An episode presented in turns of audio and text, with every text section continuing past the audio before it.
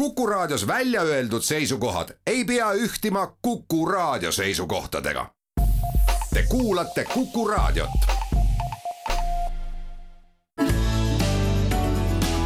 keskpäevatund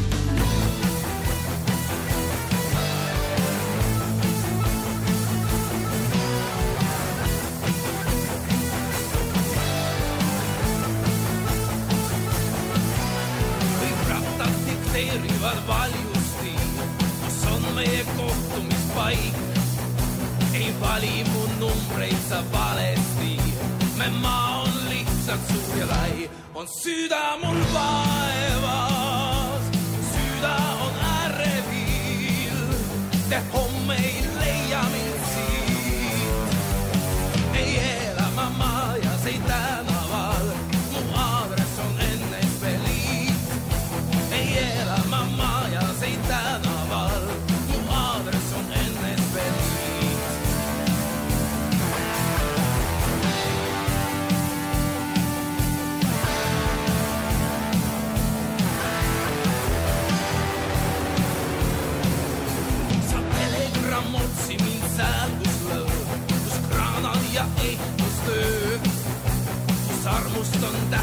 see võidurõõm, kui teise töö rekordid on süda mul vaevas,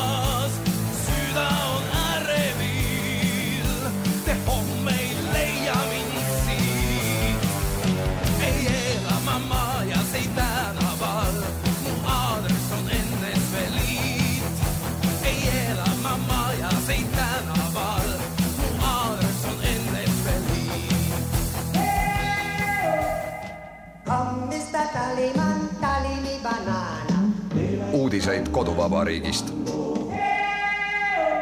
tere, siin on Keskpäevatund ja Kuku raadio Tallinna stuudios Ignar Fjuk, Ainar Ruussaar ja Priit Hõbemägi. vana hea ansambel Vanemõde laulis loo Mu aadress on NSV Liit ja seal ongi sellised sõnad, et ei ela ma majas, ei tänaval, mu aadress on NSV Liit ja nii mõneski kohas Eesti Vabariigis, kui ringi vaadata, jääbki selline mulje, et ei ela majas, ei tänaval, aga elatakse Nõukogude Liidus ja just sellega tegeleb, selle temaatikaga tegeleb siis punamonumentide seaduseelnõu ja kümnendal novembril kiideti valitsuse poolt heaks ehitusseaduste muudatused, mille eesmärk on siis lõpetada punamonumentide ajastu Eesti avalikus ruumis. Ja praeguse redaktsiooni kohaselt on siis asjad nii, et kui omavalitsus jääb enda territooriumil uute nõuete jõustamisega hätta või ei astu vajalikke samme, et neid punamonumente ja, ja ka hoonetel olevaid äh, mälestus äh, mälestuslikke objekte maha võtta, siis saab uue seaduse alusel sekkuda riik, määrates sunniraha või asudes ise vajadusel monumenti eemaldama, et seda me oleme juba näinud, kuidas neid monumente eemaldatakse, mõnes kohas suure kisa ja käraga, mõnes kohas äh,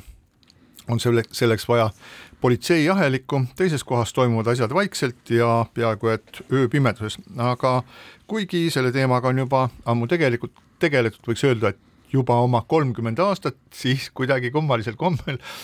need punamonumendid justkui kerkivad nagu seened, tulevad uuesti maa seest välja ja ikka neid avastatakse ja neid on sadades ja mitte ainult monumendid, vaid ka siis, nagu ma juba ütlesin, et mitmesugused mälestuslikud äh, tähised hoonetel nagu viisnurgad, äh, ma ei tea, mingid äh, viljavihud, Nõukogude Liitu meenutavad sirp ja vasar ja nii edasi ja nii edasi, nii et kui see seaduseelnõu läheb lõpuks käiku, siis võib arvata, et ühel hetkel on Eesti Vabariik kõigest sellisest taagast puhas ja osa inimesi arvab, et koos sellega kaob ka üks oluline osa meie ajaloolisest mälust, teised arvavad, väga hea, ongi vaja ajalooline mälu, on vaja puhtas, puhtaks teha ja üle kirjutada. Seda piiri on raske tõmmata jah, ja, ja minu jaoks on muidugi natuke hämmastav, et selle temaatikaga, mis on, mis on emotsionaalne, mis on oluline, aga kus tuleb tõmmata ka mingisugused väga kindlad piirid, on tehtud nii keeruliseks, miks see komisjon on salajane, miks see nimekiri on salajane? mis komisjon seal salajane on? komisjoni liikmete nimed on kas see, komis-, see on siis see komisjon, mis peab nii-öelda neid nimekirju, nimekirju koostama riigikantselei töörühm, selle okay. töörühma äh, liikmetest on avalik ainult äh, töörühma esimees. teised on, teiste nimesid ei ole avalikust, et ma, vot sellest ma ei saa aru, miks, aga aga tegelikult selle piiri tõmbamine on tõepoolest, tõepoolest keeruline ja siin jookseb ühtepidi arhitektuuripärand, teistpidi muinsuskaitse ja kolmandat pidi, kust me selle piiri tõmbame, et noh, on ju ka kunsti, mis on maalitud ja mis kujutab tegelikult Nõukogude aega ja mis on maalitud hoonete seinale, näiteks Okka pannoo ajaloomuuseumis ja nii edasi, mis on küll kardinaga kaetud, aga soovi korral saab seda kardinat sealt eest ära tõmmata ja, ja, ja nii edasi. Või või tõepoolest, kui on muinsuskaitsealune, muinsuskaitse all olev hoone, stalinistlik ehitus siinsamas Tallinna kesklinna Stockmanni vastas, mille katusel torni otsas kõrgub viisnurk, et äh, noh, mina kõnnin sellest mööda ja vaatan seda kui oma ajastu arhitektuuri pärli ma ei tea, kas ilma viisnurgata oleks seesama või mitte, võib-olla oleks, võib-olla mitte no,, ma ei oska öelda, mida Mit- teha Tehumaal? mitteolemine on ka olemine selles mõttes, et kui seda viisnurka seal ühel hetkel ei oleks, siis kõik need, kes on harjunud sinna üles vaatama, si-, nad viisnurka mitte nähes hakkavad mõtlema, et aga seal oli ju viisnurk. no jaa, ilmselt küll jah, aga, aga noh, on veel teisigi selliseid äh, kohti, noh, mida teha Tehumardiga, eks. see on ju selgelt Nõukogude ajastut ähm, noh, sümboliseeriv mälestusmärk, mida enamus eestlasi, ma arvan, kes on Tehumardi äh, mälestusmärgi juures käinud, ei võta üldse niimoodi, et see on mingisugune Nõukogude sümbol. aga, aga meil on võib-olla võtavad, mina ei meil võta, on ma ka ar- arhitektuuriekspert Ignar Fjuk mikrofoni taga. antud juhul ma tere alustaksin natuke teisest aspektist ja ja punamonument ja ma olen selle peale palju mõelnud ja mida rohkem mõtlen, seda rohkem mulle saab selgeks, et tegemist ei olegi ju punamonumentidega. Ja et Eestil on olnud alati probleeme nii-öelda võõrvõimu poolt meile rajatud, seatud monumentidega. esimene, mi- millest ka Eesti Vabariik nii-öelda proovis oma hambaid, oli Aleksander Nevski katedraal, mis tuhande üheksasandal aastal venestamise tipphetkel rajati ja mis juba Eesti iseseisvuse väljakuulutamise järgselt oli pinnuks silmis kõigile, et kuidas selline hoone saab olla Eesti jaa, parlamendi vastas. parlamendis oli isegi hääletus, aga ei olnud piisavalt poolthääli, et maha võtta. täpselt, see oli kahekümne neljandal aastal ka arhitekt Karl Burman tegi mitu eskiisi, et sellest saaks Vabaduse panton, aga kuivõrd riigivanemaks oli siis Konstantin Päts, eks, ehk õigeusklik ja tema pani nii-öelda sellele veto. minu meelest tema, kas mitte te- tema vend või üks lähisugulane ei olnud ka Vene Õigeusu Kiriku sinodi juht tol ajal? no täpselt, aga te- teine on veel olulisem, ma vabandan, et ma võtan selle õiguse omal seest rääkida, tuhande üheksasaja kümnendal aastal rajati Tallinnasse eh, praegusele Vabaduse väljakule Peeter Esimese ausammas eh, Tallinna vallutamise kahesajandaks aastapäevaks ja juba aastal tuhat üheksasada kakskümmend algas arutelu, et see maha võtta, siis jälle Tallinna volikogu arvas, et noh, et ennem ei saa võtta, kui me ei tea, mida sinna asemele panna ja siis ikka viivitati, viivitati, kuni asi, asi hakkas juba nagu käärima ja lõpuks siis otsustati ja võeti ta maha kahekümne kaheksandal aprillil. väga sarnane eellugu meie pronkssõduriga ja pronksi oli ka kakskümmend seitse, kakskümmend kaheksa aprill. nii et see kõik on kordunud ja nende puhul sama valuline reaktsioon, ei ole tegemist ju mingite punamonumentidega, need on russki mir, Vene maailma ülistavad, kinnistavad ja õigustavad sümbolid. ja, ja kui me nüüd vaatame, et miks siis nüüd ka need noored, kes ei ela Eestis ainult, vaid ükskõik kus kohal Venemaal, kes on üle kaheksakümne protsendi selle Vene maailma ideoloogia taga ja kandjad, miks nende jaoks on nende monumentide teema nii terav ja, ja, ja nii-öelda just nagu riivaks nende mingisuguseid tundeid, siis need monumendid ju tegelikult pühitsevad ja õilistavad Vene mõttemaailma ja Vene kohalolekut Eestimaa pinnal ja selle tõttu ärme nimetame neid punamonumentideks, need on okupatsiooni ja Vene ülemvõimu sümbolid. aga kus sa, Ignar, veaksid selle piiri, et et mis on nagu kultuurimälestis, mis on muinsuskaitse, mis on ajalugu ja mis on selle agressiivse Venemaa või ka siis selle meid okupeerinud Nõukogude võimu selge sümbol, et minu jaoks on see piir ähmane, aga loodame, et see salajane töörühm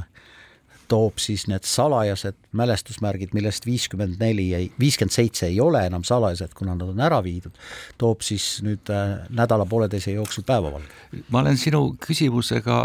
selles mõttes nõus, ma esitan ka endal seda küsimust ja kõik see hakkas minus juba täiesti selliseid noh, arusaamatust tekitama, ütleme juba sellest hetkest, kui Putin pidas selle Müncheni kõne aasta kaks tuhat seitse, kus ta nii-öelda tunnistas, et Nõukogude Liidu lagunemine, mis tol ajal oli venelastele ka Venemaal nii-öelda pääsetee sellest kommunismi ikkest ja sellest lollusest, mis seda riiki valitses aastakümneid. et, et see muutus hakkas siis toimuma ja see kõik, mis sealt nüüd nii-öelda juhtub, see ju on meie monumentide näol meie ajalukku sisse graveeritud. ja, ja see, mida enam nende agressioon nii-öelda kasvab või, või, või muutub äh, nii-öelda iseenesestmõistetavaks nende jaoks, et nad võivadki väikerahvaid hävitada, seda rohkem ka see nii-öelda kultuuriväärtuslik aspekt sellel monumentide puhul astub kõrvale. ajalugu oma eheduses, oma jõhkruses on meie ees ja nüüd me peamegi otsustama, kas lõpuks ei ole õige aeg ka meie siin elavastele venelastele ja meie Eesti noortele anda teada, milline on õige ajalugu ja mida need monumendid tegelikult tähendavad. aga nüüd see komisjoni salastatus viib meid jälle selle küsimuse juurde,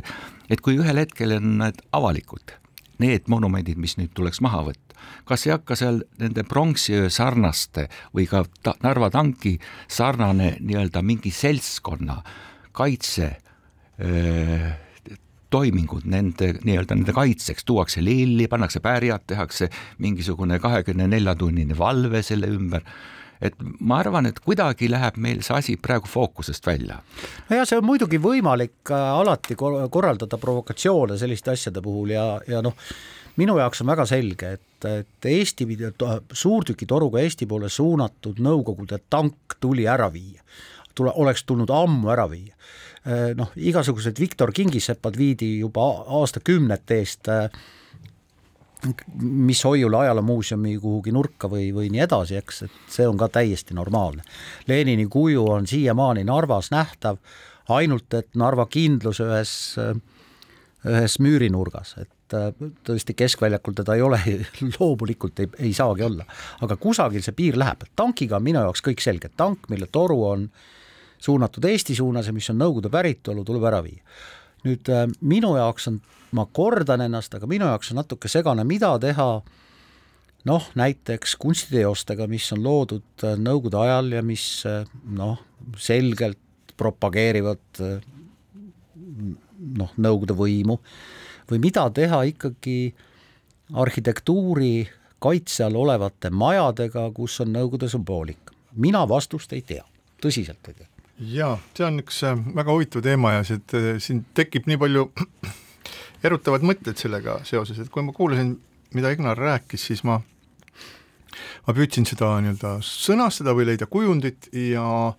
ja, ja mul tekkis selline kujund, et need, äh, need monumendid või kujud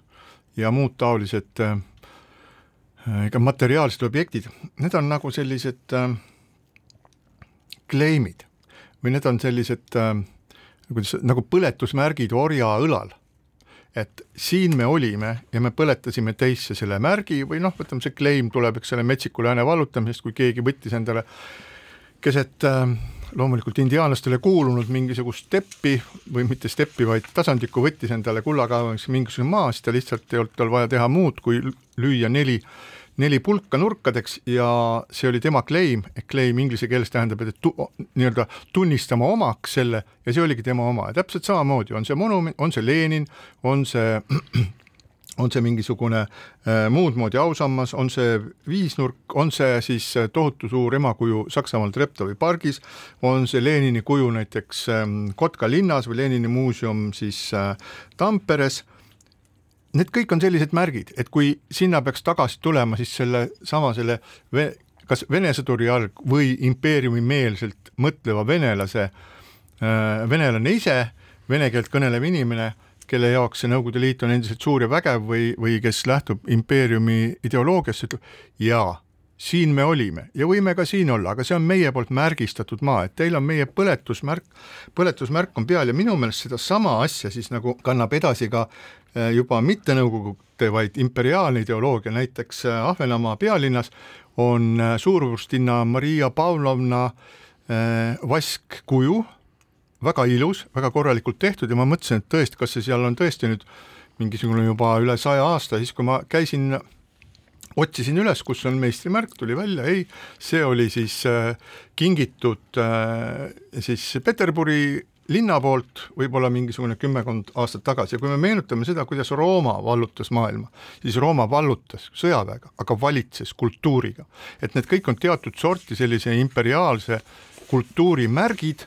ja kui need pannakse kuskile paika, siis need on sellised äh, nii-öelda nagu majakad, mille järgi hiljem saab tagasi tulla või öelda, me oleme siin olnud ja meie jälg on siia jäänud. Priit, see on ikkagi natuke, natuke laiem äh, teema, see on, see on teema ka sellest, palju meil, palju me oleme Vene mõjusfääris, kui palju meil elab siin me ei tea hinnanguliselt äh, neid mitte-eestlasi, kes tegelikult ei ole seotud Eestimaaga, keda ühendab Eestiga ainult,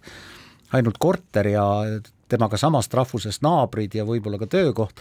ehk siis äh, Viini kesklinnas ja sinu poolt mainitud Berliinis ei tekita need punamonumendid äh, mingit probleemi, sellepärast et äh, nende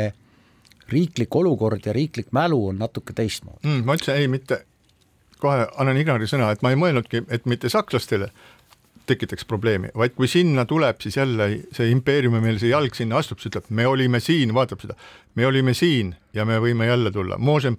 või võime korrata, nagu nad äh, on siis öelnud, Ignar, jah? kaks asja, esiteks sinu poolt, Priit, väga kena kujundi tõid orja õlale selle märgi põletamisest, ainuke selle vahega, et, et vaevalt siis see orjapidaja, kes seda märki põletas, ütles, et see on nagu teie vabastamise märk. nii nagu Peeter Esimese monumendi puhul oli tsaaririik aus, ütles, et see on Tallinna vallutamise sümboliks, aga kogu praegune Venemaa-poolne retoorika ja ka need monumentidel tekstid kirjutavad ju sellest, et meid vabastati, kuigi me teame, et meid okupeeriti. juba ainult selle klausliga on need monumendid väärt, et need meie avalikku mentaalset ruumi ei risustaks, seda esiteks. ja teiseks, kas me oleme unustanud, et ka meie Riigikogu aastal kaks tuhat kaks võttis vastu deklaratsiooni, kus ta samastas nii-öelda natsikuriteod ja kommunismi kuriteod. siis ma tegin ettepaneku, et me lisaksime deklaratsiooni, olles Riigikogu liige, ka selle, et need ei pruugi alati olla puna, vaid need on Vene impeeriumi kuriteod, mis on sajandite jooksul tehtud. tookord ma ei saanud sellele ette parandusettepanekul toetushääli, aga see on selle asja baas. me lähtume sellest, et natsi ja antud juhul siis Vene või kommunismi kuriteod on sarnased, samal astmel. nii et monumendid kõik, mis, mis vähegi seda ideoloogiat kannavad, need tuleb nii-öelda likvideerida. selge, aga asi läheb keerulisemaks siis, kui see monument on kokku kasvanud või moodustab osa mingisugusest arhitektuurilisest ansamblist või mingisugust tervikust, et üks selliseid näiteid on siis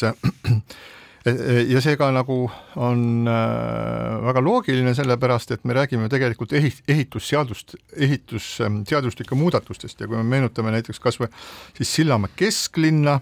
mis on siis nii-öelda see kuulus või kurikuulus äh, Stalini kampiir, mis tähendab siis sellist stalinlikku klassitsismi, sambaid, võrdset akende ja avade jaotust äh, fassaadil, aga sellele on lisatud siis kõvasti sellise ampiirstiilis igasuguseid vigureid, mis äh, on äh, lagunenud seal väga palju aastaid, mis seejärel sooviti seda võtta kaitse alla, seejärel otsustati kaitse alla mitte võtta, aga samal ajal tundub, et siis kohalik linnavõim tahaks ka võib-olla nagu kahte asja korraga, et tahaks seda kaitse all hoida ja tahaks seda ka lihtsalt ümber ehitada, võib-olla lihtsalt mingisuguste penoplaatidega üle lüüa ja siis äh, tõmmata krohvikiht peale, mille tulemusena jääksid meile järele sellised ine, inetud ähm, Hruštšovkov stiilis majad, aga nendel, nendel samadel Stalini ampiiris, ampiirstiilis ehitatud hoonetel on, seal on suur promenaad, mida, mis siis äh, omal ajal siis loodi selleks, et kopeerida see Musta mere ääres asuvaid promenaade, et siis ka Põhjamaal asuvatel nii-öelda Nõukogude rahvastel oleks võimalik jalutada mere äärde, jäätuva mere äärde mööda samasugust promenaadi, sinna isegi algselt pandi siis palmid suurtesse kastidesse istutati, et oleks samamoodi. Ja nendel majadel küll on sinna kirjutatud siis vene keeles kodumaa või Rodina või küll on seal siis selline viljapead ja viisnurk ja nii edasi, sellist nii-öelda stalinistlikku butafooriat nendel majadel on. Ja see on nüüd, ongi selline küsimus, kas hoida kaitse all või mitte hoida kaitse all, kui mitte hoida kaitse all, kas siis koksida see, need, see stukk maha nende majade välisfassaadilt ja krohvida see lihtsalt üle, nii nagu näiteks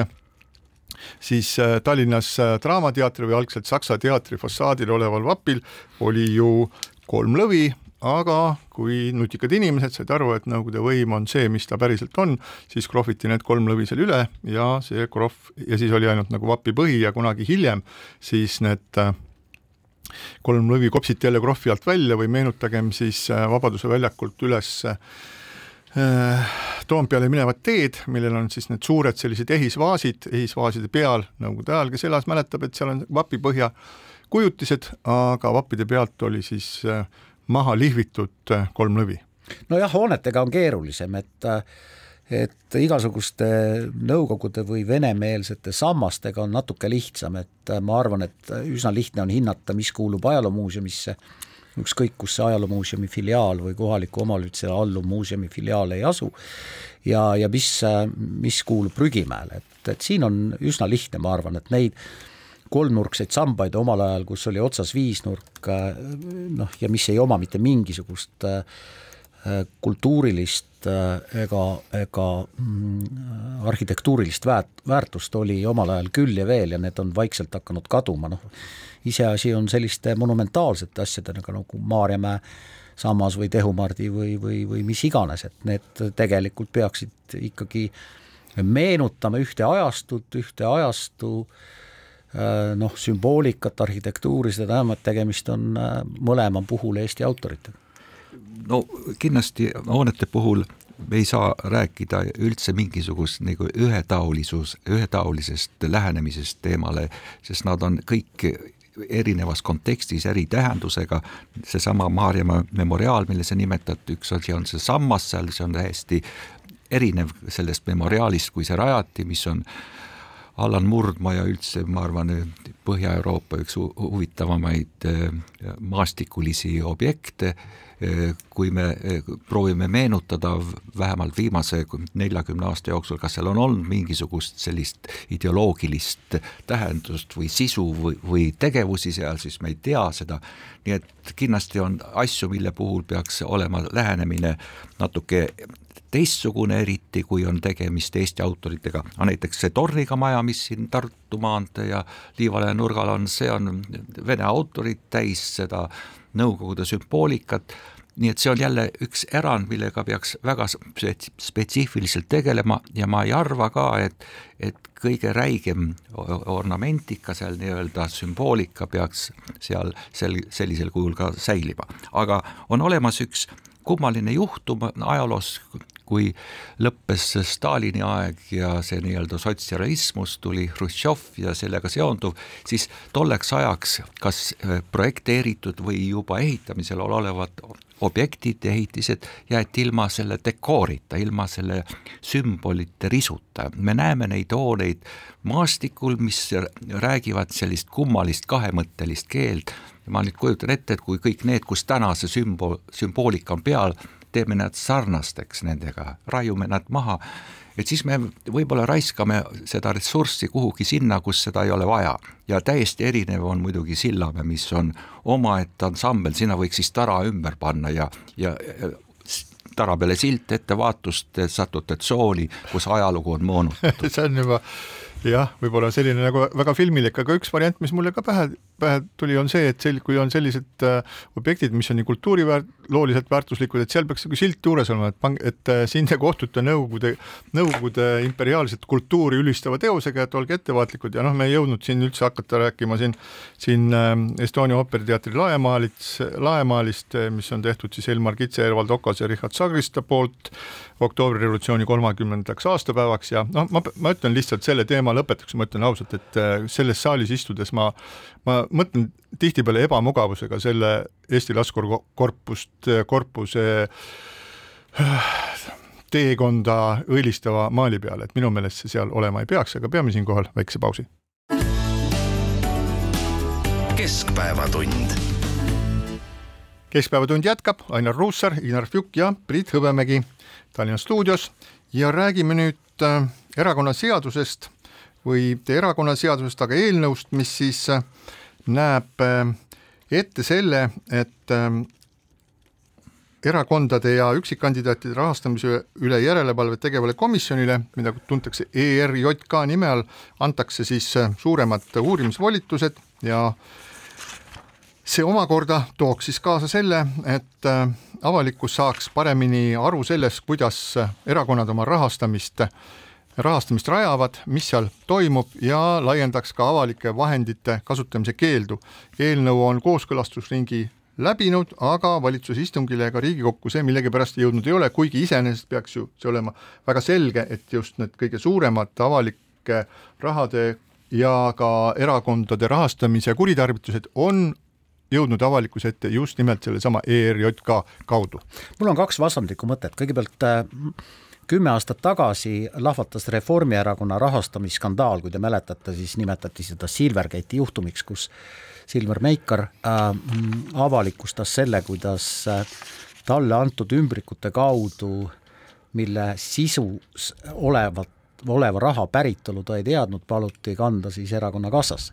tegelikult oleks pidanud kogu selle temaatikaga hakkama tegelema juba praegu ja nüüd on päris kiire, sest et kui enne märtsi valimisi äh, neid vajalikke muudatusi vastu ei võeta, siis ilmselt hääbub see asi ära. milles on probleem? probleem on see, et äh, tegelikult tänasel parlamendikomisjonil ei ole õigust küsida või ei ole õigust saada andmeid äh, selle kohta palju on annetanud kolmandad isikud või kui palju on saanud äh, meediakampaania korraldanud agentuur raha, kust on pärit annetuse tegija antud raha. see on tegelikult üks suur äh, küsimärk, ma võin ju annetada, aga kus see annetus, kui ma näiteks teen väga suure annetuse, mis paistab silma, kust see raha pärit on, noh, seda peab ilmselt selgitama Maksuamet. Ja, ja noh, me, me, me ei tea seda, nii et äh, et siin on tegelikult küsimärke küll ja mina julgen küll väita, et erakondade rahastamine ei ole piisavalt läbipaistev. ja mulle tegelikult õudselt meeldis ühe parlamendivälise erakonna idee, et esimene samm võiks olla see, et need parlamendierakonnad, kes saavad riigieelarvest toetust, et riigieelarveline toetus ei peaks minema valimiskampaaniasse, vaid peaks minema ainult nii-öelda erakonna igapäevategevusse või erakonna ülalpidamisse. ja kolmas, mis on ka tegelikult üsna üsna kontrollimatu või raskelt kontrollitav on kõik erakondadega seotud sidusorganisatsioonid. noh, erakonna X, naistekogu, noortekogu, koertekogu, koduloomade ühendus ja nii edasi, et tegelikult nende tegevus on ka selline noh, piiripealne, ma ei kahtle, et kõik need naiskogud ja noortekogud ja koertekogud erakondade juures tegutsevad legaalselt, aga tegelikult noh, on viidatud, et see ei ole piisavalt läbipaistev. loomulikult ju erakondade, erakondadel on vaja raha ju ainult kahel eesmärgil, esiteks selleks, et saada võimule ja teiseks, et seda võimu säilitada. ja, ja see oli vist selle sajandi alguses, kui võimule tuli Res Publica, siis muudetigi kehtivat erakondade rahastamissüsteemi niivõrd lahkeks erakondadele ja sellisel printsiibil, nagu ta täna ka on. ja selles suhtes muidugi on esimene punkt, mida ma olen ka ise vist juba paarkümmend aastat oma varasemates ka kas artiklites või raadiosaadetes rõhutanud, et, et maksumaksja ehk riigieelarvelist raha ei tohiks kasutada nii-öelda võimu saamiseks või, või ka, kampaania läbiviimiseks või reklaamiks. see ei ole mingis mõttes moraalne ja me võime lihtsalt arvude keeles rääkida, näiteks sellel aastal riigieelarvest ehk maksumaksja rahastab eh, erakondi kokku viie koma rohkem kui viie koma kahe miljoni euro eest ja mitmesugused arvutused ja noh, ülevaated, mis siis erakonnad on sellesse erakondade rahastamise järelevalve komisjonile esitanud oma kampaania kulude kohta, näitab, et sellest viie koma kahest miljonist on üle nelja koma kahe miljoni maksumaksja raha kulunud kampaaniaks, et, et maksumaksja maksab kinni erakondade võimaluse saada taas valituks ja kusjuures see raha jaotamise süsteem lähtub vastavalt sellele, kui palju on Riigikogus kohti, nii et kellel on rohkem kohti, sellel on ka rohkem raha, et saada uuesti tagasi valituks. Ja seetõttu me imetlemegi jutumärkides, kuidas mõned erakonnad, just need suured erakonnad, saavad oma nii-öelda staatust ja arvukust selles Riigikogus hoida, sellepärast et nende nii-öelda raha räägib. Maksumaksja raha räägib, et sa saad uuesti valituks. ja teine moment, mida ma olen püüdnud ka eh, nagu noh, kuidas öelda, kommunikeerida, on see, et see raha, mis riigieelarvest jaotatakse, et see võiks olla kahes osas. nii et üks osa võiks olla nii-öelda baasosa ja sellest peaks saama siis kõik erakonnad, kes siis ka tänase erakondade seaduse mõttes on saanud valimistel üle kahe protsendi häälde, saavad võrdselt ütleme viiskümmend protsenti sellest rahast, mis eraldatakse see läheb siis kontoritöötajate uuringute katmiseks ja ülejäänud viis protsenti, viiskümmend protsenti jagatakse siis võrdselt vastavalt või mitte võrdselt, aga vastavalt Riigikogu kohtade arvule. ja ma tegin ka arvutuse siin ise tänase Riigikogu koosseisu põhjal ja nende põhjal, kes on siis Riigikokku mitte pääsenud, kuid saanud üle kahe protsendi hääli valimistel, need siis saavad toetust vastavalt kolm, alla kolme protsendi kaks kuni kolm protsenti saavad nelikümmend tuhat eurot aastas, neli protsenti kuuskümmend tuhat ja alla viit protsenti ehk künnist sada tuhat eurot. ja selle jagamise järgi tuleb välja, et, et kõigile erakondadele, kelle Riigikogu koosseis on Äh, Riigikogus äh, vähem kui viis, seitseteist saadikut, oleks selline jaotus kasulik. nii et tänane süsteem on kasulik ainult neile, kes võtavad kõige rohkem kohti no.. no ja, ja, ja on, on tegelikult üks kolmas asi või, või distsipliin, mida ma olen küsinud ka enamuste tänaste parlamendierakondade juhtide käest, et kas teil on ülevaade kui palju teie liikmetest ei ole vähemat või pikemat aega maksnud liikmemaksu. kõigis erakondades on kehtestatud liikmemaks.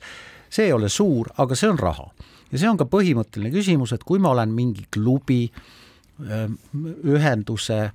või erakonna liige, siis äh, ma võtan endale kohustuse maksta liikmemaksu, ma ei ole vastust saanud. kindlasti nad teavad, kui palju on neid, kes on liikmemaksu võlglased olnud, ma ei tea, kolm aastat, kolmteist aastat või, või kolm kuud või kolm nädalat, aga äh, neid arve nad ei avalikusta, mis, mis paneb mind mõtlema, et ilmselt neid erakonna liikmeid, äh, kes liikmemaksu ei maksa, on ikkagi päris palju, erakonnal on tähtsam näidata, kui palju on liikmeid, mitte korjata liikmetelt iga hinna eest äh, raha kokku. no see kõik meenutab seda vana anekdooti mehest, kellel hakati igal, igal äh, esmaspäeval panema kümme eurot postkasti, kui ta oli seal nädal aega saanud, siis ta harjus ära ja kui järgmisel nädalal ei olnud kümne eurost, siis ta jahmus, teisipäeval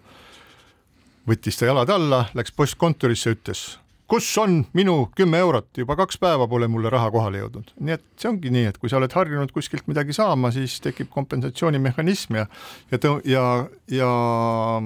kasutatakse seda raha milleks, millekski muuks. no aga nüüd, kui täpselt siis välja öelda seda, et mida see erakonnaseaduse muudatus, muutmine siis, mida,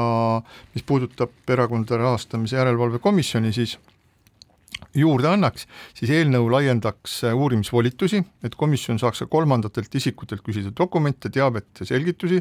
ja siis veel kutsuda neid äh, oma siis koosolekule äh, aru andma, samuti muudab eelnõu selgemaks keelatud annetuste tagastamise, et siis nagu me oleme näinud, et neid annetusi on olnud, mis on ka tagastatud,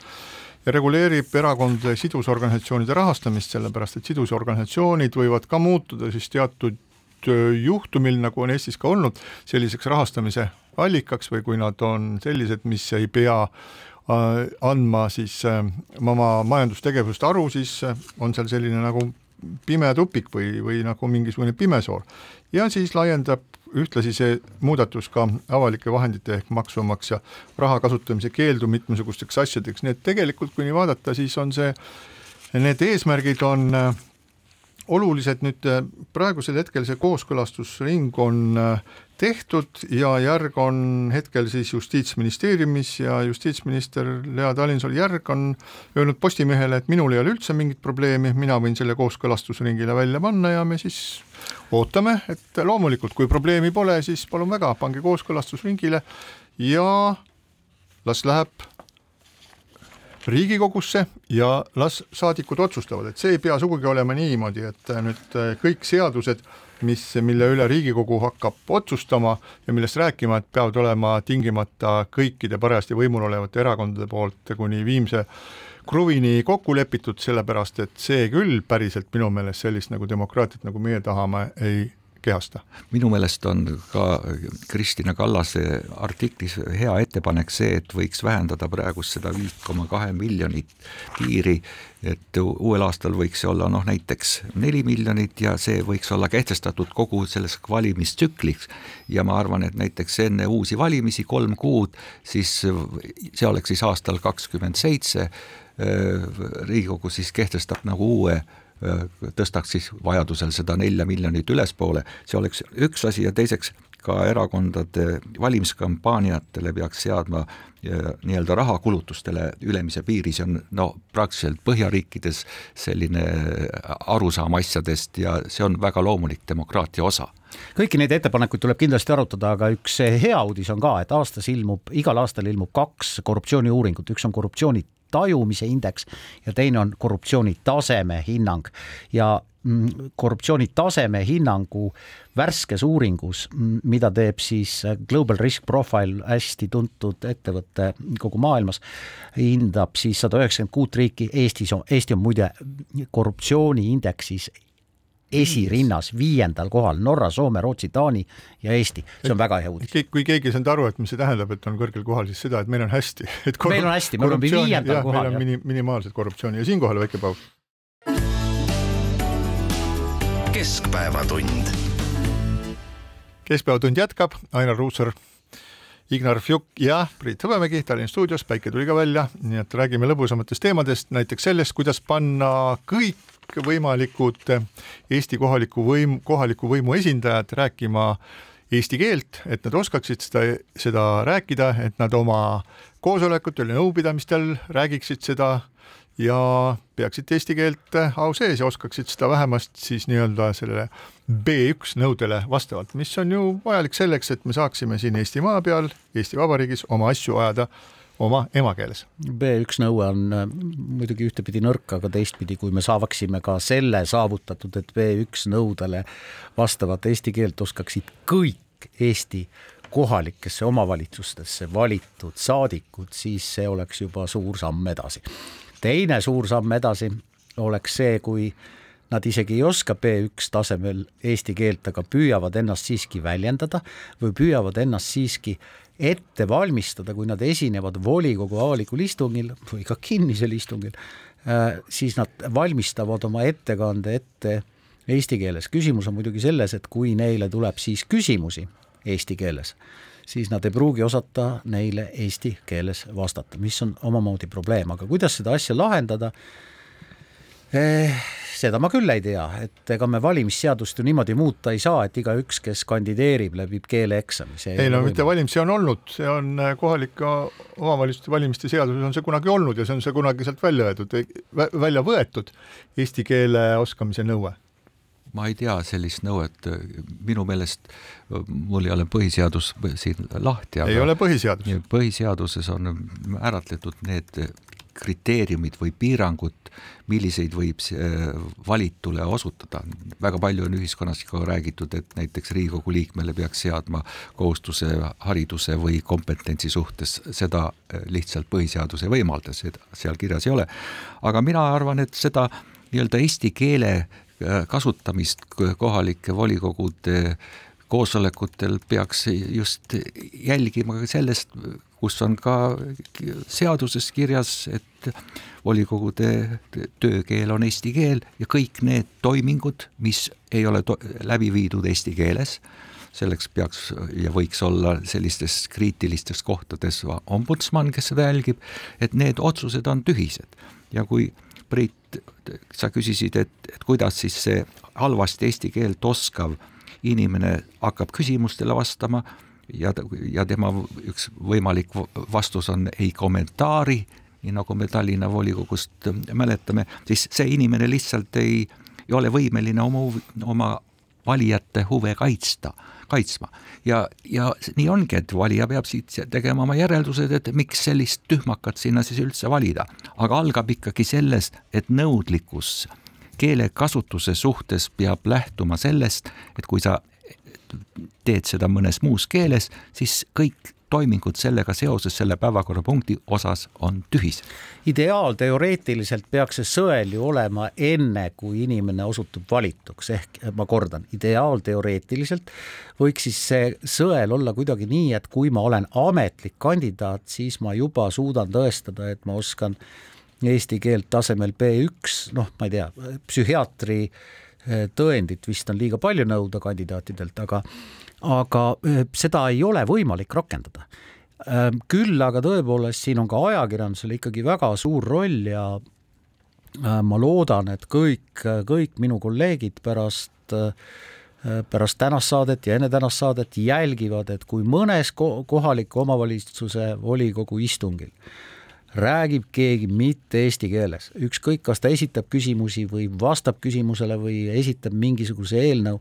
siis sellest tuleb rääkida. sellest lihtsalt tuleb rääkida nimeliselt, sest volikogu liikme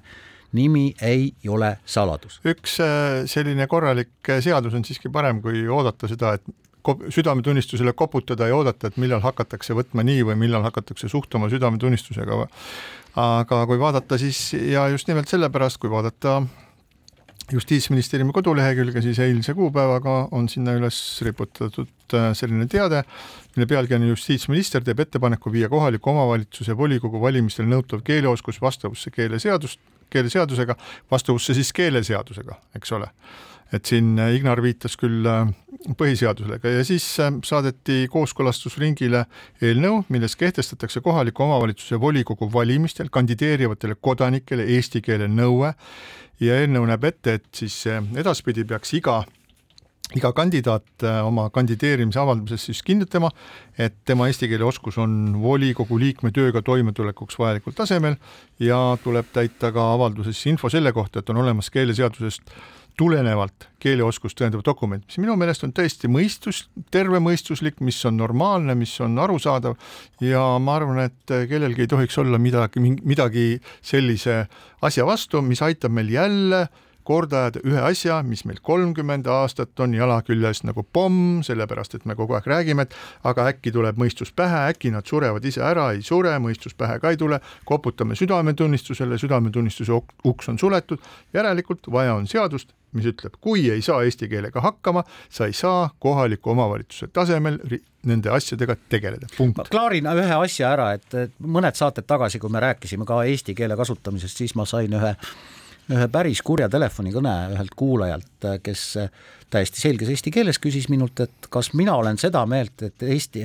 et mitte eesti keele kasutamine tuleks kogu Eestis ära keelata, ei, ma kordan üle. jumala pärast, inimesed, ükskõik mis rahvusest te olete, ükskõik milline on teie emakeel, rääkige kodus või kus iganes sõpradega või kus iganes oma emakeeles, aga kusagilt läheb piir ja see piir läheb sealt, et kui sa oled valitud kui sa oled kandideerinud ja kui sa oled valitud kuhugi ametisse, siis sinu eesti keele oskus ja selle kasutamine on tingimusteta vajalik. üks valdkond, kus seda hästi jälgitakse, on meditsiinivaldkond. me nüüd seoses selle Ukraina kriisi ja pagulastega ju kogu aeg kuuleme, kuidas meile oleks võtta ukrainlastest eh, kas õdesid või arste, aga nad ei kvalifitseeru, sest nad ei ole läbinud teatud eh, nii-öelda teste, sealhulgas ka neil puudub keeleoskus. eesti keelt oskamata ei saa ju nad ravida eesti keelt ainult rääkivaid Eesti kodanikest patsiente. see on, see on natukene keerulisem aspekt, me oleme seda arutanud ka siin ja see põhjus on see, et Eestis nagu ka üldiselt lääneriikides on õdede volitused väga suured inimeste ravimisel, nad võivad manustada ravimeid, nad võivad anda ravimeid, nad tegelevad selliste asjadega, mida mõnes teises kohas, millega tegelevad ainult arstid. Ja see tähendab seda, et kui me läheme nii-öelda meditsiinilist abi saama, et siis me anname oma elu tõepoolest arsti kätte. anname oma tõepoolest elu nii arsti kätte kui ka anname ka õe kätte ja see, kuidas, kas õde tegutseb nii, nagu ta on õppinud siin või nii, nagu ta on õppinud Minskis, et nendel kahel asjal on väga suur vahe. et selles mõttes on loomulikult keel on üks asi, aga see on ainult üks osa probleemist ja ma tean, et Õdede Liit on teinud hästi palju mitmesuguseid äh, koolitusi ja teevad koolitusi selleks, et just nimelt professionaalselt viia need õed, kes siin sooviksid äh, tegutseda äh, õenduses sellisele tasemele, et nad ole-, vastaksid Eesti Vabariigi nõuetele. Priit, sinu poolt räägitu, kui sa kommenteerisid ministeeriumi eelnõud seoses äh, kandidaatidele keelenõude esitamist, ma arvan, et see võiks olla lihtsalt sellel samal paberil, kus kandidaat allkirjastab oma soovi ja teatud punktidele ka kirjutab linnukese juurde, et ta ei ole seotud mingisuguse selle, teise, kolmanda halva asjaga ja seal on ka punkt, et ta valdab keelt, et töötada vastavas volikogu koosseisus ja sellega peaks asi piirduma ja ei peaks hakkama testima kõiki Eesti kodanikke. ka sind, Priit ja Ainar, sind, kui te tahate kandideerida, see oleks naeruväärne. tõsi, ja siinkohal täname teid kõiki kuulamast, oli kena laupäev ja kohtume taas nädala pärast. keskpäevatund